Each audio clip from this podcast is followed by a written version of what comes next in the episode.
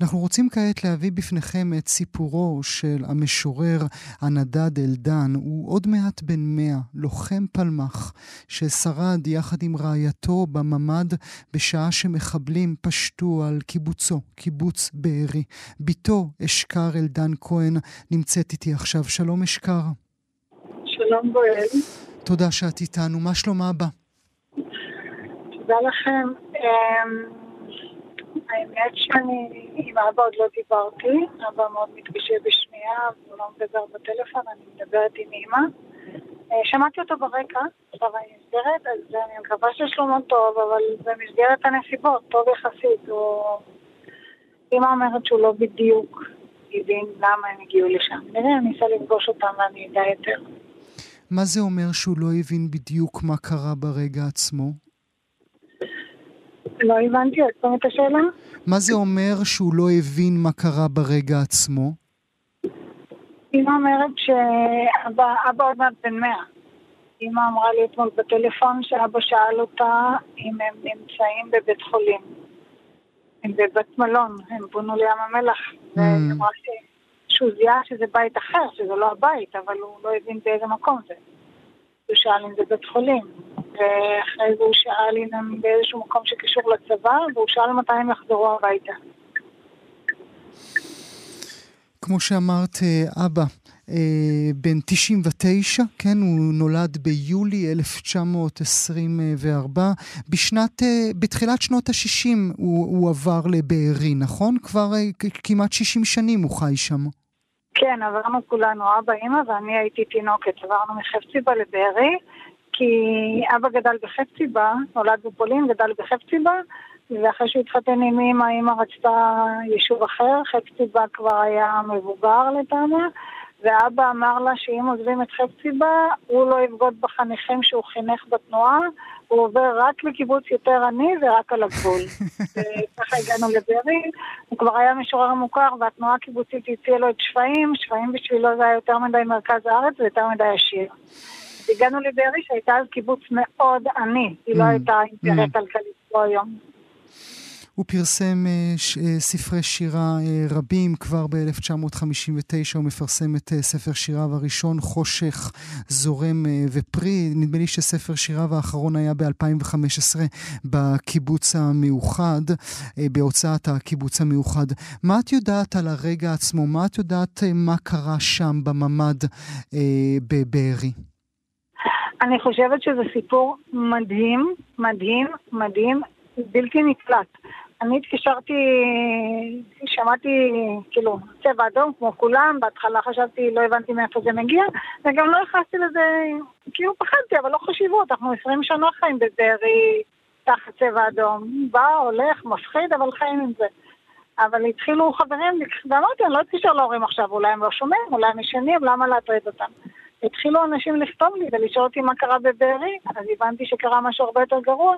התקשרתי לאמא אילונטה, התקשרתי לאביה חצרוני, חבר בארי, שכן של ההורים שאחר כך נרצח לצערי הרב, בן אדם מאוד אהוב, היה נהג אמבולנס.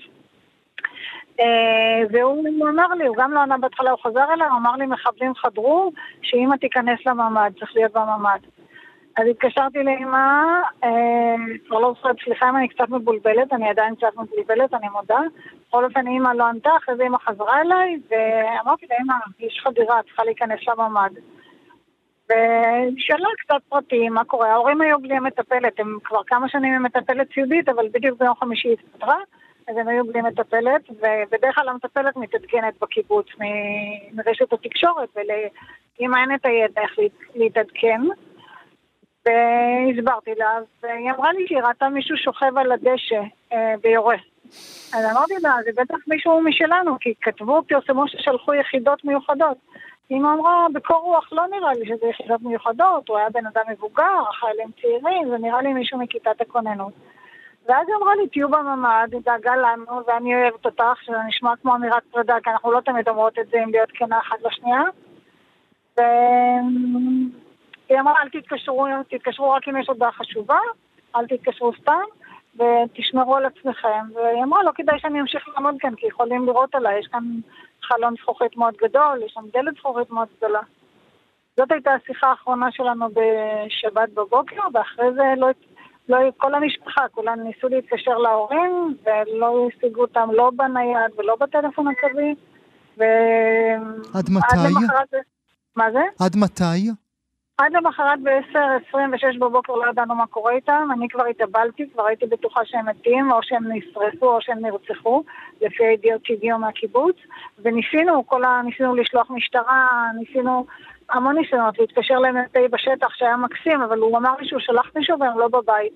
אז אמרתי לו, הם לא בבית, איפה הם יכולים להיות? אז לי, או, או שלקחו אותם בשבי, שלא ידעו איך הם ישרדו בגיל הזה, או שהם נרצחו או שהם נשרפו. דיברתי גם עם האחראית על הסיעוד בקיבוץ, היא אמרה שהיא לא חושבת שילכו אותם שלי, כי הם לא מסוגלים לזוז, איך ייקחו אותם.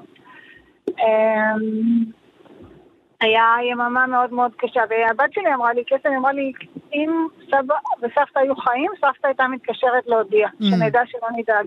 ואם היא לא הודיעה, אז הם מתים.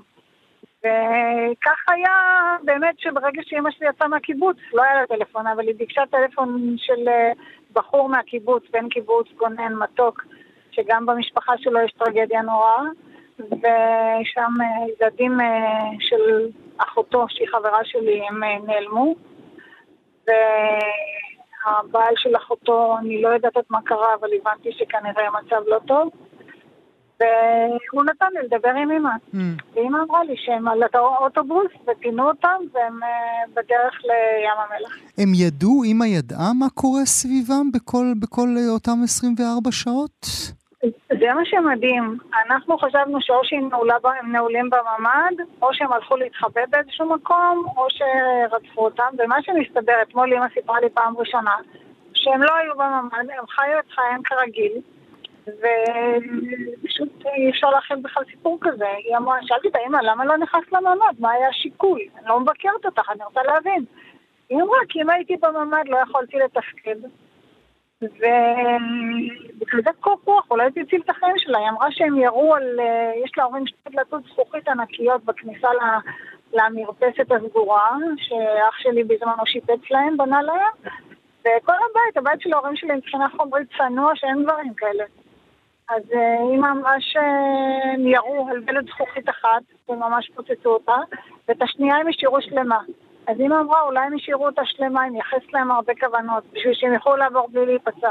אז היא אמרה שנכנס אה, מחבל, אני אפילו לא זוכרת אם אמרה את המילה מחבל, אבל נכנס מחבל, ואמר לה, סיירה, סיירה, לא יודעת, לא זוכרת בדיוק מה אמרה, מפתחות של אוטו הוא רצה.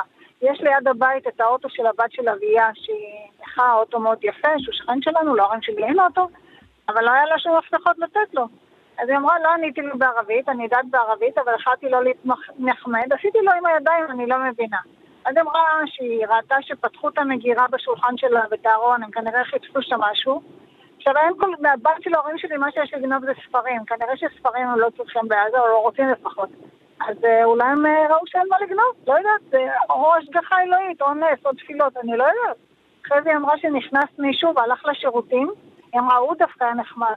והוא יצא מהשירותים, הוא קד לקידה כזה עם הידיים, כזה כמו בתפילה, תודה רבה, תודה רבה. היא אומרת, הוא ידע איפה השירותים, הוא ישר הלך לשירותים. עכשיו אבא שלי... מה זה הסיפור הזה? אני לא מצליח להבין אפילו מה שאת מספרת, אשכר. גם אני לא. והיא, תקשיב, היא אמרה שהיה לה נזילת מים. עכשיו, תקשיב, זו אישה שהולכת עם הליכון, ואבא שלי הולך עם הליכון. אבא שלי בגיל 90 עבר ניתוח ראש, כי היה לו דימום בראש, הוא היה על סף מוות אחרי נפילה, והוא חזר אלינו על הרגליים, מחייך, ואז עוד המשיך להקליד שירים במחשב. אבל הבן אדם בן 99 וחמישה חודשים, הוא הולך עם הליכון, עם הליכון או עם מקל. אז uh, הייתה הצפת מים בבית, היא אומרת, שמה... היא אומרת שהתחילו לנזול מים מהארון, היא פתחה את הארון, מים מלמעלה, אני לא יודעת, אולי פוצצו דוד, אני לא יודעת, לא יודעת איך הם שרדו את זה. סליחה, צריכה אוויר. עכשיו, היא אומרת שאבא שלי, אימא שלי נורא מאורגנת, בממ"ד יש לה מאורגן, מן עשתה כזה דלי, מקום לישיבה, שאפשר כמו אסלה בתוך הממ"ד. אבא שלי ניסתה לשכנע אותו בשום פנים ואופן לא. הוא הלך לשירותים. והיא אחריו, שהוא לא ייפול. עכשיו הוא הולך, הוא הרבה ישן והרבה הולך לשירותים. כשהיה רב, אבא שלי, אימא שלי עם ההליכונים לשירותים. ולא, תאמין לי, לא יודעת, אני חושבת שאני אחזור בתשובה, אני אתחיל להאמין שיש אלוהים. אני חוזר יחד איתך. אה, שאלה, ש, שאלה ש, ש, שככה מנקרת בי אה, מאז יום האתמול או לפני יומיים, כאשר אה, השיר של האבא שלך על קירות בארי התחיל להתגלגל בכל הרשתות החברתיות ובכל הוואטסאפים האפשריים. מתי אבא כתב את השיר הזה? אז זהו, זה אני אומרת, ותסלחו לי על זה שיש לי הומור שחור, אבא שלי תמיד אמר שהצחוק טוב לבריאות, אז אני משתדלת לאחוז בזה בין בכי לבכי. אה, אז אני אומרת, איזה מזל שאימא שלי ניצלה, כי אימא שלי זה ארכיון מהלך של אבא שלי. היא חיה את השירים שלו, היא יודעת הכל, היא חדה קטר, אפשר לסמוך עליה. אז אתמול התקשרתי לאימא, שאלתי אותה, אז היא גם ניתחה לי את השיר ניתוח מרתק, פשוט אישה מרתקת, והיא אמרה לי, איפה השיר? אז הלכתי לחפש אותו, והשיר נמצא בספר שקוראים לו שש שעת שחר, שירים ללירז. אה, זה הספר, אני, אני מפחדת ממילים, אני מפחדת להגיד אחרון, כי אני עדיין מתפללת שיהיו לאבא שלי ספרים mm. מהיצירה הפוריה mm. שלו, אבל זה השפר שהתפרסם בשנת 2016, אני חושבת שלא התפרסם אחר כך. עכשיו, אני לא יודעת להגיד לך בדיוק מתי הוא כתב, אבל אני יכולה להגיד שזה אספת שירים לזכר אחותי, לירז אלדן גל. שנפטרה, וסליחה אם אני אבקש, היא נפטרה ב-19 לאוקטובר בשנת 2009, ואנחנו כל שנה עושים אזכרה כל המשפחה ביחד, הילדים שלה והאלמן שלה, ואנחנו עולים לקבר. והשנה אנחנו לא נוכל לעלות לקבר, היא קבורה בבארי. אמא רצתה שהיא תקבר בבארי, אפילו שהיא לא חיה בבארי, היא אמרה שהיא תחזור הביתה. ועל הקבר שלה, האלמן שלה בחר את המשפט הטאואיסטי, השיבה לשורש קרויה שלווה. ואיפה השלווה עכשיו? אז לפחות, לפחות יש איזה, איזה נחמה בזה שעכשיו כולם יוכלו להספיד איתנו את, גם את כל מי שנרצח וגם את אחותי שמתה ממחלה אבל נמנע מאיתנו עכשיו האפשרות לעלות לקבר שלה בגלל הרוצחים השטניים האלה. אז השיר נכתב כנראה, לא מילה לזכרה, אבו המשורר, אז הוא כותב את החיים וכותב את הצער ואת האהבה ואת המוות. ואחרי שלירז נפטרה, הוא היה מוכה יגון, והוא כתב המון שירים על לירז, והוא ביקש ממני שאני אעזור לו להכין את הספר. Mm. הוא אמר לי, אני לא יכול לגעת בדפים, זה כמו מחוות אש, תעשי את השירים על לירז. אז עזרתי לו, אספתי אותם, אחרי זה אודי שביט ערך את הספר. ומנכ"ל הקיבוץ המאוחד אז, זיכרונו לברכה. כן, שגם אותו איבדנו בשנה האחרונה. אני כן. רוצה, אני רוצה, אם את מרשה לי, לקרוא את אה, שתי השורות הראשונות בשיר היפהפה הזה, ולו רק בגלל שאנחנו כבר מגיעים אל חדשות השעה שלוש ולצערי הרב אנחנו צריכים לסגור, אבל בשיר הנפלא הזה של אבא שלך הוא כותב על קירות בארי, כתבתי קורותיה, והנה עכשיו אני מבין בדיוק מה שאמרת, קורותיה של אחותך, זכרה לברכה, ממקורות ומעמקים קרועי קור, את קראו את הקורא בכאב ואורותיה נפלו לערפל, ועוד ועוד, באמת שיר שובר לב לחלוטין. אני רוצה מאוד אשכר אה, לחבק אותך מאיתנו, גם אותך, גם את האבא שלך, גם את האימא שלך, ולומר לך תודה רבה שהיית איתנו עכשיו בשידוך. תודה רבה, גואל.